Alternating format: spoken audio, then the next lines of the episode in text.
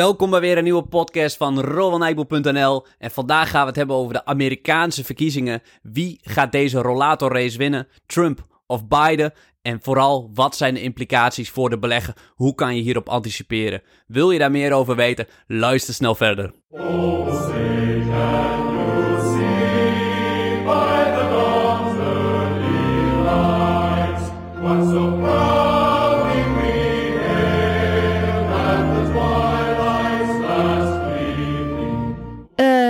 Waar luisteren we nou naar?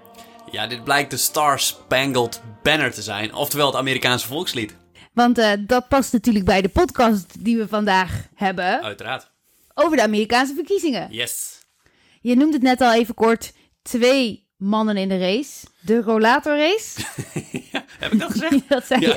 je. ja, ja, nee, eh, Trump versus Biden en eh 74 eh, tegen 77 qua leeftijd. Welke van de twee is 77 dan? Biden is net wat ouder. Oh, die is net wat ouder, oké.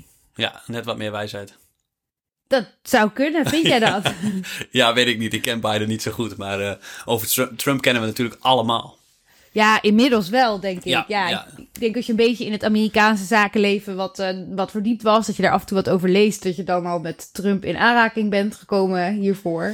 Ja, heel wat eh, schandaaltjes, of althans schandaaltjes eh, in opspraken. De leugens die hij heeft verteld en alle... Ja, toch ook wel bekend van eh, The Apprentice. Ja, Waar ook wel enige schandalen omheen ontstonden. ja, het schijnt dat hij daar het grote geld mee heeft verdiend. En niet zozeer met zijn vastgoedimperium. Was hij niet eh, überhaupt rijk door papa's geld? Ja, een mooi Netflix-documentaire. Is dat zo? Ja, dat hij echt eh, dat hij in, die, in die zin meerdere keren failliet heeft gegaan. Maar vooral door papa's geld. En vooral ook door ja, de boel echt een beetje te belazeren in het verleden. En niet zo self-made eigenlijk is als hij zelf zegt. Hmm. Oké, ja, ik heb ook wel eens over hem gelezen, maar dan dwalen we echt af. Maar ik zeg het toch, dat hij wel de ultieme money mindset heeft. Hè? Die, die populaire term tegenwoordig. En dat hij die ultiem heeft, omdat hij de manier waarop hij uitgeeft en de manier waarop hij denkt, is op en top als een miljardair. Ja, nou, ik denk niet dat alle miljardairs zo denken. Dat je in een onderhandeling dat er maar één winnaar kan zijn. Ja, dat vind, dat vind ik echt een waardeloze instelling. Is misschien ook niet zo'n fijn idee om zo'n iemand eh, aan het hoofd van je land te hebben. Ja, ja, kijk, ik kan het vanuit Amerikaans... Kijk, wij als Nederlanders vinden het allemaal een ontzettende mafkees, denk ik. Maar als Amerikaan kan ik me voorstellen dat je denkt van... Wow, hij beschermt ons wel echt. Hij komt wel echt voor ons op. Bijvoorbeeld tegen China en Europa en dat soort dingen. Ja, misschien wel. En dat, dat kan ik me voorstellen dat die Amerikanen daar ergens wat, wat voor voelen. Ja, dat verklaart denk ik ook zijn populariteit. Hebben we Trump eigenlijk al een beetje besproken. Hoe zit het met Biden dan? Wat wil je weten over Ja, Biden? wie is hij? Ja, wie is hij? Hij was nog eh, vice-president onder Obama, Oké, blijkbaar. oh. En grappig is dat hij toen nog erg pro-big tech was, bijvoorbeeld. En nu is hij dan tegen big tech. Dus Oké, dat kan nog dus wel een hij- beetje... dat kan nog wel lekker Ja. wisselen, aangelang eh, hoe het uitkomt in de politieke verkiezingen. Ja, nou ja, als je politici die moeten ook een beetje roepen wat het volk wil, hè? Ja, om die stemmen te krijgen natuurlijk. Ja, dus eh, dat gaat de komende jaren echt nog wel een grote rol spelen. Oké, en eh, ja, Biden, de aanhouder wint. Hoe bedoel je omdat hij... eh, Omdat het hij al zo probeert? lang in die, ja, in die politieke scene zit en waarschijnlijk altijd al zijn ogen op het presidentschap heeft gehad. Ja, wat dat betreft heb ik respect voor beide heren... dat ze op deze leeftijd nog zo zich willen inzetten voor hun land. Ja, eh, geen achter de geraniums eh, houding. Nee, nee. Nee.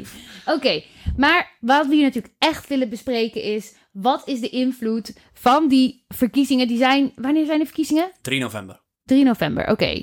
Ehm, ja, want ik heb ergens gehoord dat het gaat per staat. Ja, dus kun je echt stellen dat er één verkiezingsdag is? ik weet het niet. Ik heb gegoogeld wanneer het was. en toen kwam er 3 ja, november ja, uit. ja, ja, dus ik, eh, ik doe ook verder geen eh, oppervlakkig onderzoek in dat opzicht. Nee, eh, ja, dat duurt wel even. En volgens mij gaat nu ook alles per post. En daarom roept Trump nu ook altijd van dat dat fraude gaat opleveren. Dus het gaat waarschijnlijk, de telling gaat veel langer duren. Oké, en dus de uitslag laat nog even op zich wachten ook.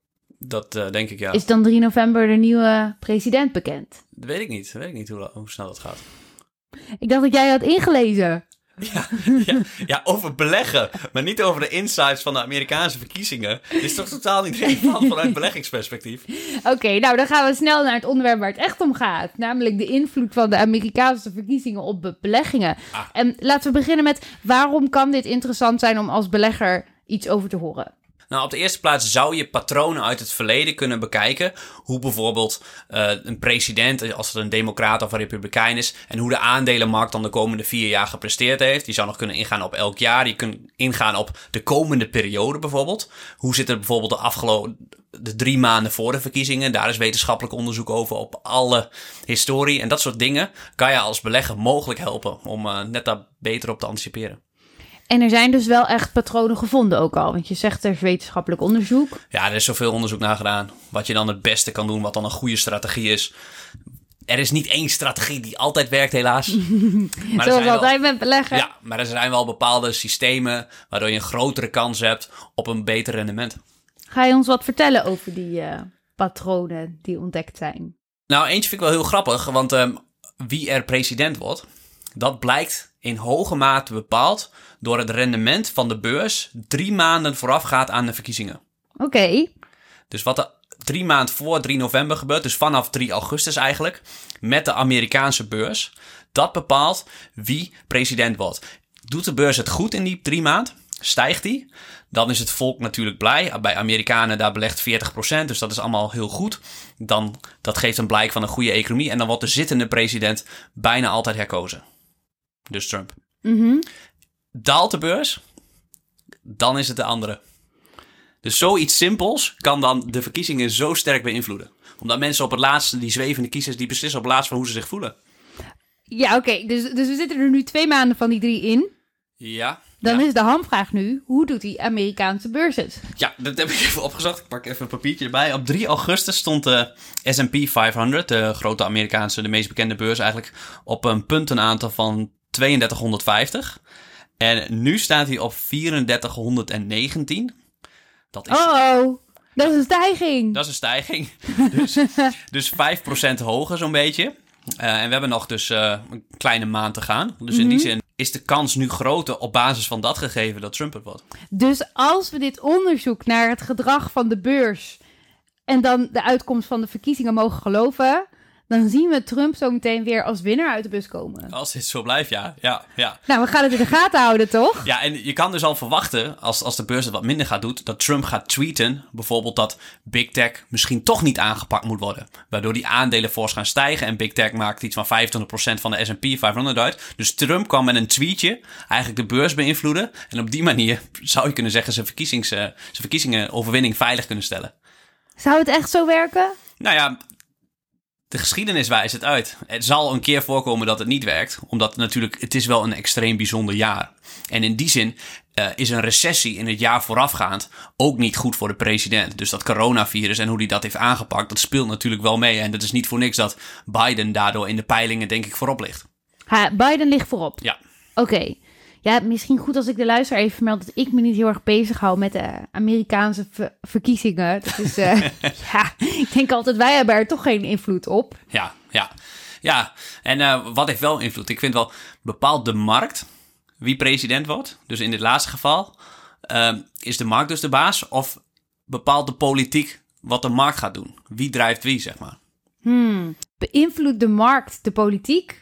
Of de politiek de markt? Ja, dat is de vraag natuurlijk. En kijk, dit is die afgelopen drie maanden, dat is dan een statistiek waar je op zou kunnen aan vasthouden. Maar in die zin zijn er nog wel veel meer van die statistieken. Soms ook heel zinloos bijvoorbeeld. Dat democraten, als een democratische president, dat hij net wat beter rendement heeft in die vier jaar dan een republikeinse president. Ja, maar moet je dan als belegger gaan wachten als je als, er, als Trump herkozen wordt als republikein, moet je dan vier jaar gaan wachten en vier jaar niet beleggen. Dus je, je hebt nee, nee, maar als je verwend belegger bent en je bent Amerikaan, want anders kan je natuurlijk niet stemmen. Ja. Dan kan je wel gaan stemmen voor de. Wie was het? De Democraat deed het beter? Ja. Ja, dan kan je wel gaan stemmen op de Democraat, want dan gaat de beurs beter doen. Oh, zo. Ja, ja als je veel aandelen hebt. Ja, ja, nee, dat klopt. Dat klopt. Dat, kan wel. Ja, Oké, en nu hebben we het heel erg gehad over de periode in de aanloop naar de verkiezingen. Maar dat is natuurlijk maar een relatief kort tijdsbestek. En het gewoon geinig dat het wellicht laat zien wie er gaat winnen. Maar jij zegt altijd, timen is niet iets waar je per se aan wilt beginnen. Dus ik denk dat je ook niet zou aanraden aan mensen om hier iets mee te doen, of wel? Ja, nou, ik zei net al, er zijn zoveel factoren van mening. Uh, ja, ik zei net al, er zijn zoveel factoren van invloed. En toen Trump in 2016 tegen elke statistiek in werd verkozen, toen Alle nieuwsmedia kondigden aan een ontzettende recessie, de beurzen gaan imploderen, dat soort dingen. De futures, de beursstanden, die klapt ook echt omlaag met 5% op die dag. Toen dat eh, bekend werd dat Trump zou winnen, was een nachtmerrie voor de financiële markten. Maar raad eens hoe die gesloten is die dag, de beurs. Is gewoon in de plus gesloten, 1% hoger. En het jaar toen Trump aan de macht was, dat jaar daarna, was een fantastisch beursjaar. Dus, Oké. dus in die zin is het maar net hoe dingen geïnterpreteerd worden. En Ik hoor nu bijna verkapt. Als je deze daling ziet van 5%, dan zou je kunnen overwegen om in te springen. En daarna even het kleine stijgingje mee te pakken. Nou, nee, want ik weet dus niet hoe dat gaat verlopen. Ik geef je geen advies, ook geen stemadvies. Oké, oké, oké. Nee, het is maar net hoe de markt het interpreteert. En dat kan je niet voorspellen. Je zou kunnen denken als Trump herkozen wordt, dat wordt weer een nachtmerrie. Voor de beurzen wereldwijd, voor de financiële markt. Want dan komen er allerlei nare dingen aan. Maar Maar er zijn even, zoveel... want hij is toch heel goed voor bedrijven? Hij beschermt toch het bedrijfsleven? Dus in essentie zou hij toch niet per se nadelig zijn voor beleggingen? Ah, nee, ik redeneerde vanaf 2016. Dus toen dacht de wereld, Trump is niet goed voor het bedrijfsleven. Nou, het blijkt in de praktijk dat hij prima is voor het, in ieder geval, Amerikaanse bedrijfsleven. De wereldeconomie, dat is dan even een andere discussie. Maar, ehm, dus in die zin weten de markten bij Trump wel waar ze aan toe zijn. Als die wordt herkozen. En daarom zou een verkiezing van Biden leiden tot onzekerheid. En daarom kunnen de markten ook heel volatiel zijn de komende maanden. Of de komende maand is het nog eigenlijk. Omdat markten niet van onzekerheid houden. En wie het wordt, dat heeft implicaties zeker voor verschillende sectoren.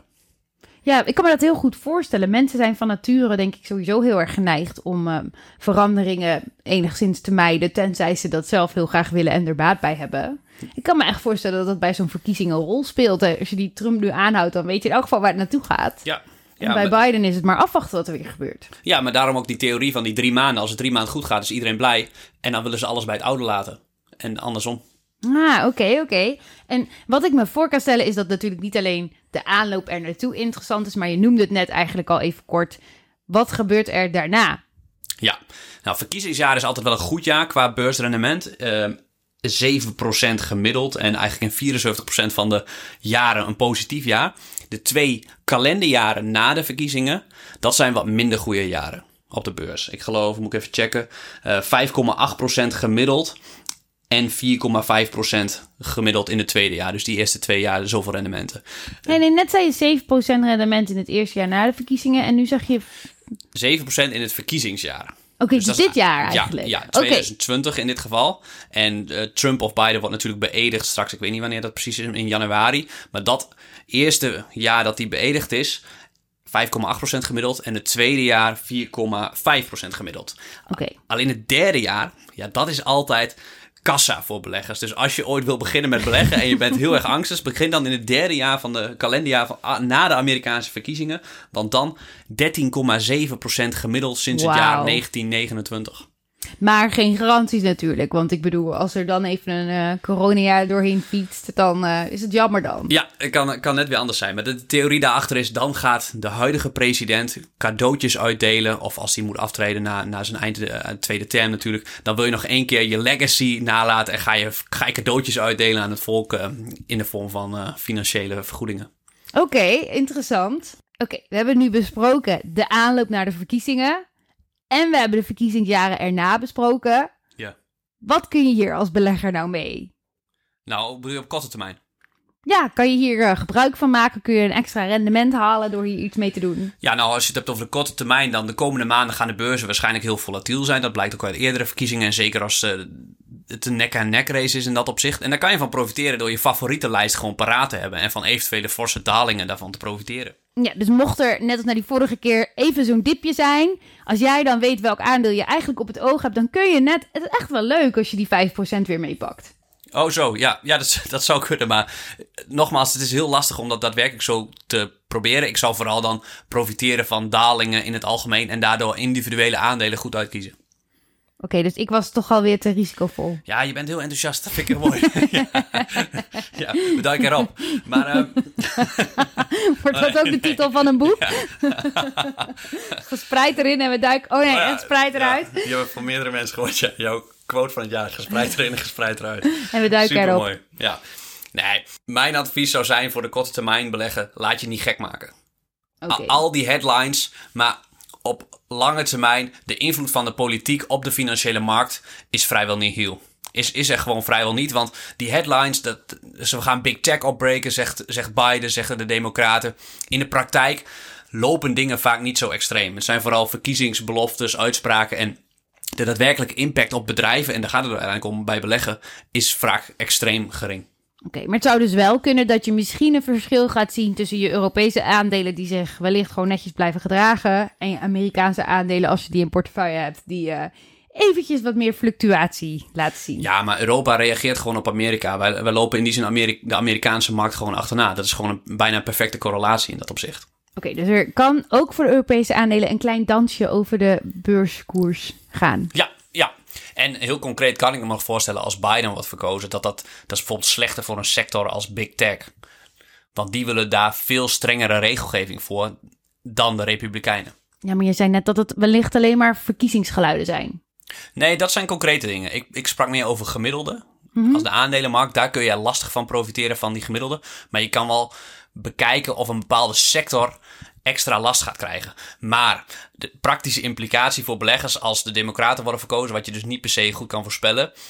En dan op daarop je beleggingsbeslissingen baseren dat mogelijk een big tech bedrijf als Alphabet opgebroken gaat worden. Wat dan pas over misschien drie, vier jaar is. En de vraag is of dat doorgevoerd gaat worden. Want wie is machtiger, de politiek of de grote big tech spelers? Dat is ook nog een mooie discussie misschien.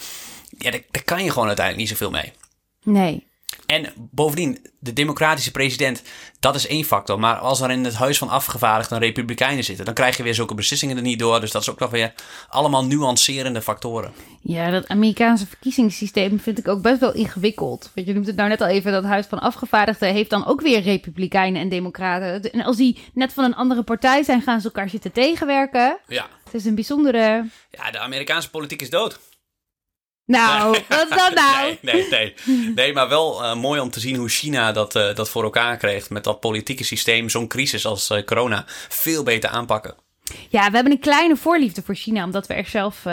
nee, ja, jij hebt er een jaar gewoond, ik ongeveer een half jaar. Ja. En ja, ze zijn wel, het is, ze zijn wel echt hè, voor, voor hun allen, met z'n allen samen. Ja. En jij leest mij af en toe de, de cijfers op, hoe ze met corona omgaan. Ja, veel, veel geweldiger. Het collectief, hè, met z'n allen dat doen. En uh, Amerikanen echt individueel. Ja, in China bijvoorbeeld is er al volgens mij maanden al geen binnenlandse besmetting meer. Daar is het leven weer gewoon als normaal. Helemaal niks aan de hand.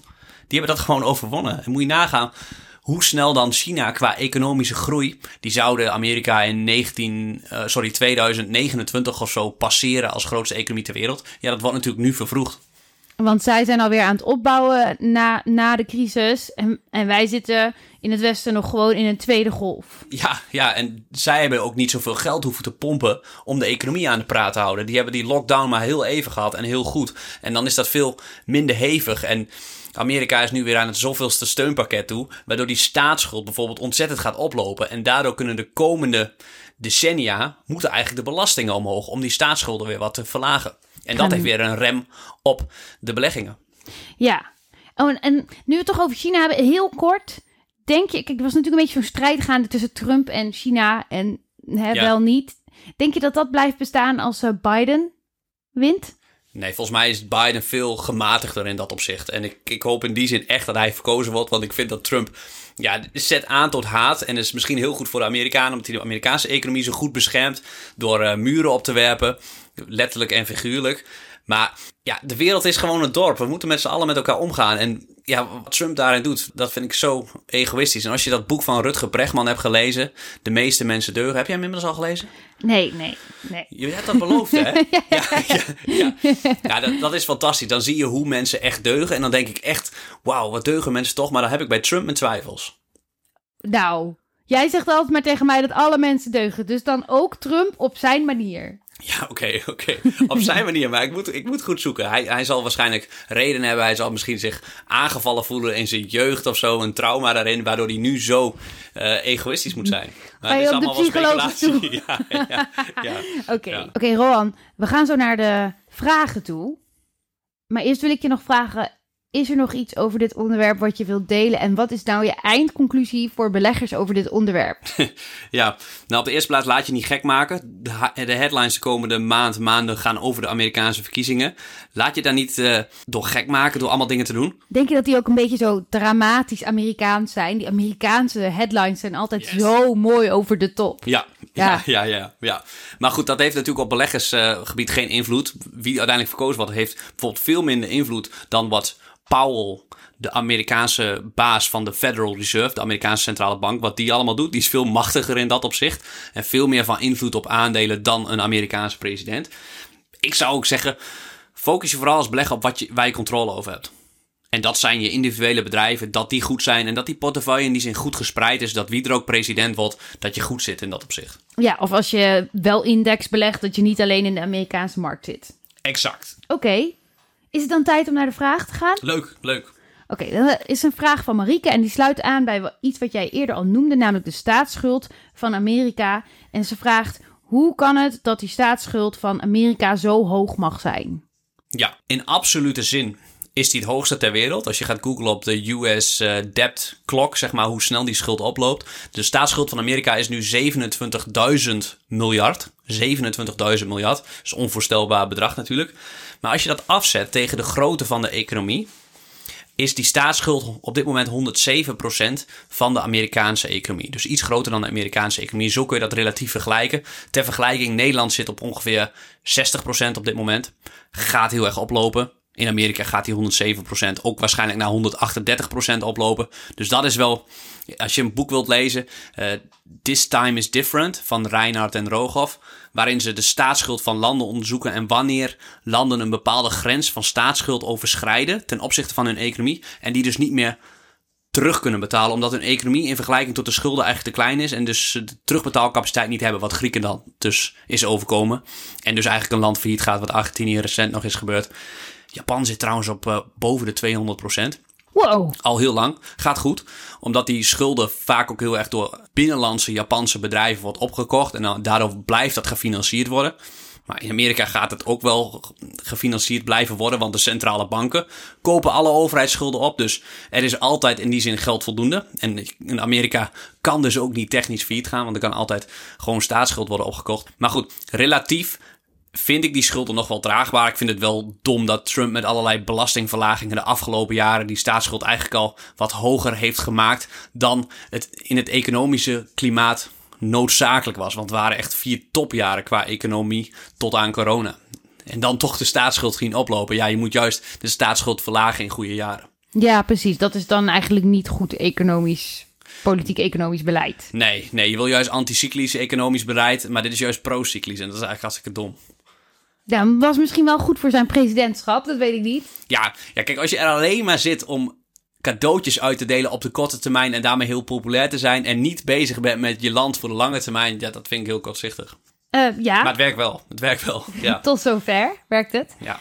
Um, we hadden nog een vraag van Luc op Instagram. Um, welke gevolgen verwacht u wanneer Biden wordt gekozen? Op de lange termijn de gevolgen niet heel. Maar ook voor als Trump gekozen wordt, hoewel die wel wat extremer is. Maar voor big tech is dat bijvoorbeeld wel iets minder gunstig. Oké. En waarschijnlijk ook voor de financiële sector iets minder gunstig.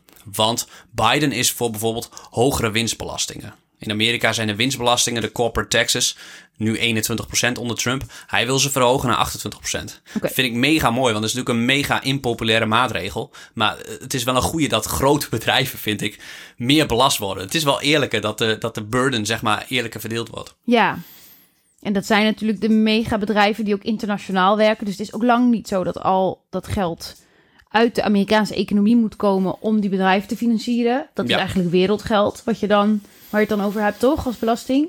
Uh, ja, nou, het is vooral dan de Amerikaanse binnenlandse winstbelastingen. Dus de winsten die die bedrijven in Amerika behalen, daar moeten ze dan 28% over betalen. En ja. Dan stroomt er dus eigenlijk weer wat terug naar het volk. Omdat er belastingen betaald worden aan de overheid. En de overheid dat dan... Weer teruggeeft? Ja, of, nou. of waarschijnlijk eerst de komende jaren de schulden aflossen. Het ligt eraan wie er verkozen wordt, wat ze daarmee gaan doen. Maar uh, ja, dat, uh, dat is een mogelijkheid. Ja, ik heb zelf nog gevraagd, want soms zeg jij dat het opsplitsen van bedrijven een positief effect kan hebben. Dat zou dan toch ook met de, de big tech bedrijven zo kunnen zijn? Ja, dat zou kunnen dat die waarde dan ontsloten wordt als een alfabet zijn uh, Android en zijn YouTube en zijn cloud divisie moet afsplitsen. En dat dan die individuele waarde van die divisies veel hoger is, de som der delen, dan alfabet nu als geheel. Dat zou heel goed kunnen. Hmm. Desalniettemin is het opbreken van techbedrijven vanuit competitieve positie wel desastreus voor zulke bedrijven. Want je, je, je moot wordt gewoon echt aangetast. Ja. Maar ik vind het wel terecht. Als burger vind ik het wel terecht. Als aandeelhouder hoop ik dat ze niet opgebroken worden. je hebt twee petten op. Ja, ja, ja. Oké, dan hadden we nog een hele mooie vraag van Valentijn. Ook via Instagram. Welke kandidaat zal bij winst het meest positieve effect hebben op de aandelenmarkt? Nou, dat is eigenlijk wel een beetje een vergelijkbare vraag. Ja, dus eh, historisch doen de Democraten dus iets beter dan de Republikeinen. En dat is Biden. Ja. Oké. En we hebben nog een leuke vraag van Ingrid. Die vraagt of de VS ook het komende decennium de place to be zal zijn voor het kopen van aandelen. Of dat het stimuluspakket al in de koersen verrekend is. Oh ja. ja, de afgelopen tien jaar waren, waren voor de Amerikaanse aandelen echt fantastische jaren. Ook onder Trump. Zelfs 11% heeft hij gegenereerd per jaar. Hij meet zijn succes af aan de stijging van de beurs, heeft hij wel eens eh, gezegd. dus is toch ja, bizar? heeft hij best goed gedaan dan, denk ik. Ja, hele goede belegger. De komende decennium ik denk het wel. In die zin is dat wel de markt ter wereld waar de goede bedrijven zijn in dat opzicht. Maar de waardering van die aandelen zijn gemiddeld ook een stuk hoger dan andere markten in deze wereld. Dus die waarderingen zijn ook gewoon stegen en als de, stevig. En als de waarderingen maar hoog genoeg zijn, dan gaan toekomstige rendementen minder zijn. En dan is het nog beter zaak om individuele aandelen goed uit te kiezen. En je zit natuurlijk met die hogere staatsschuld van Amerika, die waarschijnlijk ooit terugbetaald moeten gaan worden. In de vorm van hogere belastingen. Uh, hoe kijk jij dan naar het opkomen van China als markt? Want je zei net van ja, 2029, maar nu gaat daar misschien al een klein stukje vanaf. Dus dan kunnen we het al misschien een jaar of twee jaar eerder verwachten dat China Amerika gaat inhalen. Dat betekent dat ze nu aardig dichtbij aan het komen zijn qua wat ook hun bedrijven doen. Wat ze weer interessanter zal maken als belegging, denk ik. Ja, ja. Ja, en ik heb ook recent een boek gelezen over artificial intelligence van Kylie Soek of zoiets. Ik weet, dus, weet de naam niet precies, maar die zegt ook eigenlijk de, de techbedrijven uit China. Ja, dat zijn de bedrijven die gaan profiteren, want die hebben pas echt toegang tot data. In tegenstelling tot de Amerikaanse bedrijven die wel data hebben, maar vooral online data. En Amerika eh, Chinese techbedrijven hebben online en offline data. En in die zin kunnen die de wereld veroveren? Nou is het de vraag of ze... Ze mogen natuurlijk al niet naar Amerika. Dus daar kunnen ze in die grote markt al geen positie veroveren. Dat is helemaal prima. Want hun eigen markt met 1,3 miljard mensen is natuurlijk ook al gigantisch. En in die zin valt daar, denk ik, ook het komende decennium de hoogste groei te verwachten. Is dan niet China de place to be voor het aankopen van aandelen? Ja, dat zou je denken. Het lijkt een hele makkelijke theorie om op zoek te gaan naar economieën die harder groeien. En die dus ook wel betere rendementen zullen behalen. Maar die correlatie blijkt er dus niet te zijn. Als je vrijwel alle ontwikkelde beurzen van de afgelopen 100 jaar bestudeert, in alle landen, ook in Zuid-Afrika of zo, um, ook in Griekenland, dan heeft die, hebben die op de afgelopen 100 jaar ongeveer hetzelfde rendement behaald. Vrijwel alle landen. Is best wel, ligt best dicht bij elkaar. Maar vind je dan niet de uitzondering het feit dat China zelf een goede markt heeft, um, waar ze niet alleen tech kunnen ontwikkelen. Want ze hebben het brein, zeg maar. Ze hebben de slimme mensen, de opgeleide mensen die het kunnen gaan maken, bouwen en doen. Ja. Maar ze hebben ook nog de markt. En ook nog een groeiende markt waar steeds meer mensen toegang hebben tot uh, middelen om aandelen en dat soort dingen te kopen. Of ja, de spullen die die bedrijven maken. Ja, kijk, als je als belegger China kent, moet je daar gaan vissen. Daar zijn gigantische kansen als beleggen. Het nadeel van een hele harde economische groei is dat er ook gigantisch veel concurrentie is. Elk bedrijf in de wereld wil naar de Chinese markt. En heel veel concurrentie, dat leidt tot hele lage winstmarges. En dat leidt tot lagere beleggingsrendementen. Je wil liever hele sterke bedrijven hebben. Dus met een Tencent of een Alibaba, dat zijn wat mij betreft de enige twee Chinese bedrijven die niet aangevallen kunnen worden. Maar als je China echt bestudeert, en we hebben er gewoond, hoe kapitalistisch het is en hoe concurrerend het is. Als je een goed idee hebt, dan is niet in China of, of zoals in Europa een jaar later een kopie. Maar de volgende dag is er een concurrent. De volgende dag is er een concurrent. Zo, je moet echt zo'n moot hebben als bedrijf. ik denk dat alleen Alibaba en Tencent in die zin zo sterk zijn. En anders moet je het gewoon zo goed begrijpen. Want als je die moot niet goed begrijpt van die bedrijven. en je gaat beleggen in China en individuele aandelen, dan ga je er echt aan. Oké, dus je hebt het eigenlijk over de toegankelijkheid van de Chinese markt. Ja, ja. En daardoor blijft de Amerikaanse markt voor nu aantrekkelijker. Ja, omdat in die zin alles is in het Engels. In China, die bedrijven, die zijn heel lastig te onderzoeken. Veel minder transparant qua informatie. En in, in Amerika, die zijn veel transparanter. Veel betere corporate governance, veel betere regelgeving. En die bedrijven kun je gewoon veel makkelijker bestuderen. En bovendien zijn dat soort bedrijven ook vaak gewoon actief in Nederland. En die Chinese bedrijven zijn bijna allemaal niet actief in Nederland. Nou, eigenlijk moeten we gaan beginnen met um, Chinees aanbieden als taal op school. Weg met Duits en Frans en... Uh Engels en Chinees. Ja, ja, ja. maar we hebben het allebei geprobeerd om te leren. Wat een pittig. Dat is pittig, Is echt pittig. Vooral die klanken, ja. Ja, ja, ja. Mark vraagt nog of hij is benieuwd naar de mogelijke invloed op de cyclische bedrijven en de maakindustrie. En volgens mij is dat ook vooral voor uh, als Trump herkozen wordt. En de mogelijke handelsoorlog die weer gaat opbloeien. Dan heeft hij weer vier jaar om zeg maar, met China en andere landen te gaan spelen. En importheffingen op te, op te leggen en uh, te dreigen met belastingen. Ja. Dus um, dat is inderdaad een gevaar. Want Trump is in die zin onvoorspelbaar. En dat is, uh, dat is altijd een gevaar voor zulke bedrijven. Kan ook een kans zijn als je een Amerikaanse producent bent. En altijd te maken had met Chinese concurrentie. Bijvoorbeeld op de staalmarkt. En dat nu in één keer niet meer hebt. Doordat Chinese bedrijven niet meer concurrerend zijn. Dan kan dat een heel groot voordeel opleveren. Alleen het is in de praktijk lastig om daar weer beleggingsbeleid op te maken. Omdat je zulke dingen niet kan voorspellen. Ik vind het wel jammer. Je merkt ook al in zo'n discussie als deze dat het heel erg is. Ja, de relevantie ligt bij China of Amerika. Europa wordt overgeslagen. we worden gewoon overgeslagen. Ja, maar dat is toch ook terecht. Nou, we hebben toch wel hele mooie bedrijven. Ja, welke nieuwe bedrijven hebben we dan in Europa? Nou ja, in die zin zijn Adyen en ASML toch ook techbedrijven? Ja. ja, maar dat zijn misschien wel in Europa de enige bedrijven die er echt toe doen. In, in die zin in de nieuwe economie. En je hebt nog een Spotify. Um, voor, voor, de rest blijft, blijft er niet zoveel over. Zeker in Duitsland en uh, Frankrijk, daar, daar is helemaal niks, niks bedacht qua, qua nieuwe bedrijven. Ja, en Nico vraagt nog uh, waar hij zich over verbaast, is dat de gezondheid van de president zo'n impact heeft op de beurs. Ik denk weer dat dat vooral komt doordat de beleggers houden niet van onzekerheid. Nou, als Doet hij dan op dat um, Trump aankondigde dat hij COVID had? Ja. Okay. ja, en dat het even onbekend was of hij het uh, wel zou halen, zeg maar. Oké. Terwijl op economische basis maakt het natuurlijk niet uit. Als één iemand aan overlijdt, wie dat nou is. Maar dat markten daar zo sterk op reageren, dat, dat verbaast me ook heel, altijd heel erg. Maar ja, markten reageren op headlines. En dit is een headline, terwijl economisch de impact natuurlijk op de lange termijn te verwaarlozen valt. Ja, jij zegt altijd over nieuws het volgende. Oh, jij weet hem altijd. ja, in een membership leer je het ook. Ja. ja, jij weet hem? Media vullen wel je oren, maar niet je portemonnee. Ja, misschien kan je nog even toelichten. Nou, dat ze van alles roepen en je bent geneigd om te gaan handelen. Maar het zorgt zeker niet voor een uh, dikkere portemonnee. Ja, en ik doelde ook op het stukje waar je zegt van heel veel van dat soort algemeen economische nieuws, daar kan je uiteindelijk niet zoveel mee. Nee, nee. Het enige wat wat interessant is, is als het over de bedrijven specifiek gaat, of als het over misschien een specifieke sector gaat waar je in geïnteresseerd bent. Maar de algemene economische headlines, die, ja. Ja, ja, nee, maar er zijn zoveel factoren. Ik noemde net uh, als Trump wordt herkozen, krijg je, krijg je misschien weer een handelsoorlog, importheffingen. Dat dat misschien goed is voor Amerikaanse bedrijven die daar alleen produceren, omdat die geen Chinese concurrentie meer hebben. Maar je krijgt ook altijd tweede orde effecten. Dat maakt dat de Amerikaanse bedrijven door die mindere concurrentie uit China lui worden. En dus minder innoverend, omdat ze dat niet meer hoeven. Waardoor op de lange termijn die bedrijven ook minder waard zijn. En in ieder geval minder winstgevend zijn. Okay. Dus er zijn zoveel factoren op factoren, factoren. De praktische implicatie niet heel is. Oké, okay, Roland, de tijd is er bijna op. Ah. Ja, dus je mag nog één vraag om het af te leren. En jij mag kiezen welke je nog uh, wilt behandelen. Oké, okay. um, nou dan kies ik die van uh, Reino. Want Reino vraagt eigenlijk, draait het nu niet veel meer om het individu in Amerika?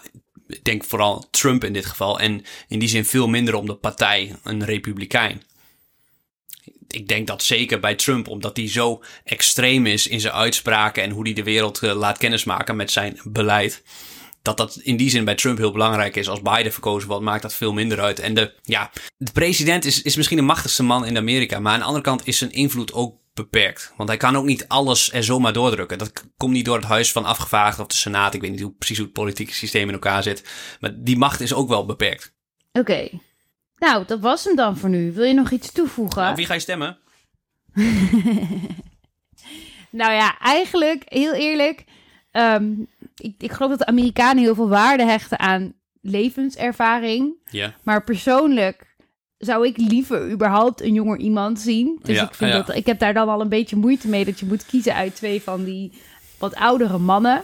Een vrouw zou leuk zijn. Vrouw zou ook leuk zijn. Ja, dat vind ik ook jammer dat dat er niet bij zit. ne- net als vrouwen betere beleggers zijn, zijn er misschien ook betere politici.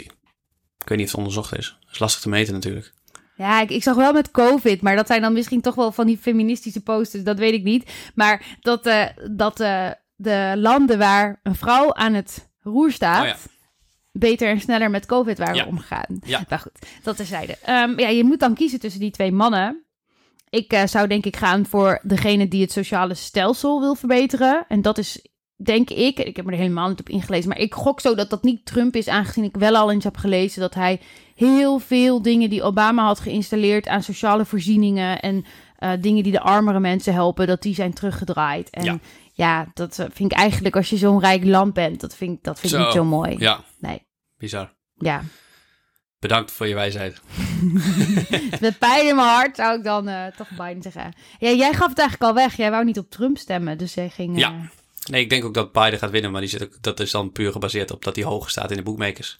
Ja, ik vind het ook wel grappig, want ehm, net had jij die vraag van, ehm, wie was het, Reino geloof ik, uitgekozen, dat het meer om de individu gaat. Ja, Ik hoor ons nu ook eigenlijk allebei verkapt zeggen dat we vooral niet Trump willen en dus maar naar Biden ja, draaien. ja, En we zeggen dus niet, jee, go Biden, je hebt zulke leuke ideeën. ja. Wat ik het gevoel dat bij bijvoorbeeld Obama wel veel meer zo was. Ja, het- we hebben, heb je dat debat gezien of fragmenten daarvan laatst? Van welk debat? Tussen eh, Biden en Trump? Het eerste tv-debat? Nee, maar ik zit af en toe op TikTok. En daar Oh. kwamen filmpjes langs. waar Trump belachelijk werd gemaakt Oh, ja? over het debat met Biden. En dat, het, eh, dat hij dan zogenaamd als. eh, ja, omdat hij eigenlijk echt niet naar de volgende debat zou. Omdat het zo beschamend was dat hij dan maar had gezegd dat hij COVID had. Want dat iemand. Dat was dan zo'n filmpje dat iemand tegen hem zei. Ja, je, je bent de president. Je kunt niet zomaar niet opkomen dagen. Wat nou als ik zeg dat ik COVID heb? Ja, ja, ja. ja. ja, dat debat was echt tenenkrommend. Voor degene die dat gezien heeft, die zal dat herkennen. Dat ze elkaar, twee oude mannen, gewoon een beetje lopen uit te schelden en zo. En dan moet dan je land aansturen. Ja, ja. Ja nou, dat- dat, dat- niemand ingrijpt. Dat je als zo'n voorbeeld geeft, gewoon in het algemeen als leider moet je een voorbeeld geven dat Trump zoveel liegt en dergelijke. En daarmee het voorbeeld stelt voor, voor de jeugd ook. Dat je, dat je gewoon daarmee weg kan komen. Dat is ongelooflijk. Dat je dan Maar- eigenlijk zo'n machtige man kan worden. Ja. Het schijnt dat als de leugen maar groot genoeg is, dan kom je ermee weg. Is dat zo? Een keer gelezen. Ik denk dat het ook attitude is. Ja, Die man die staat daar zo en die loopt te verkondigen dat het Ja. is zoals hij zegt. En dan gaat hij daar ook vol ja voor. het is toch bizar. Het is toch bizar. Oké, genoeg. Ja, Wij sluiten af. Ja. Tot de volgende tot de keer. volgende keer. Bedankt voor het luisteren. Doei.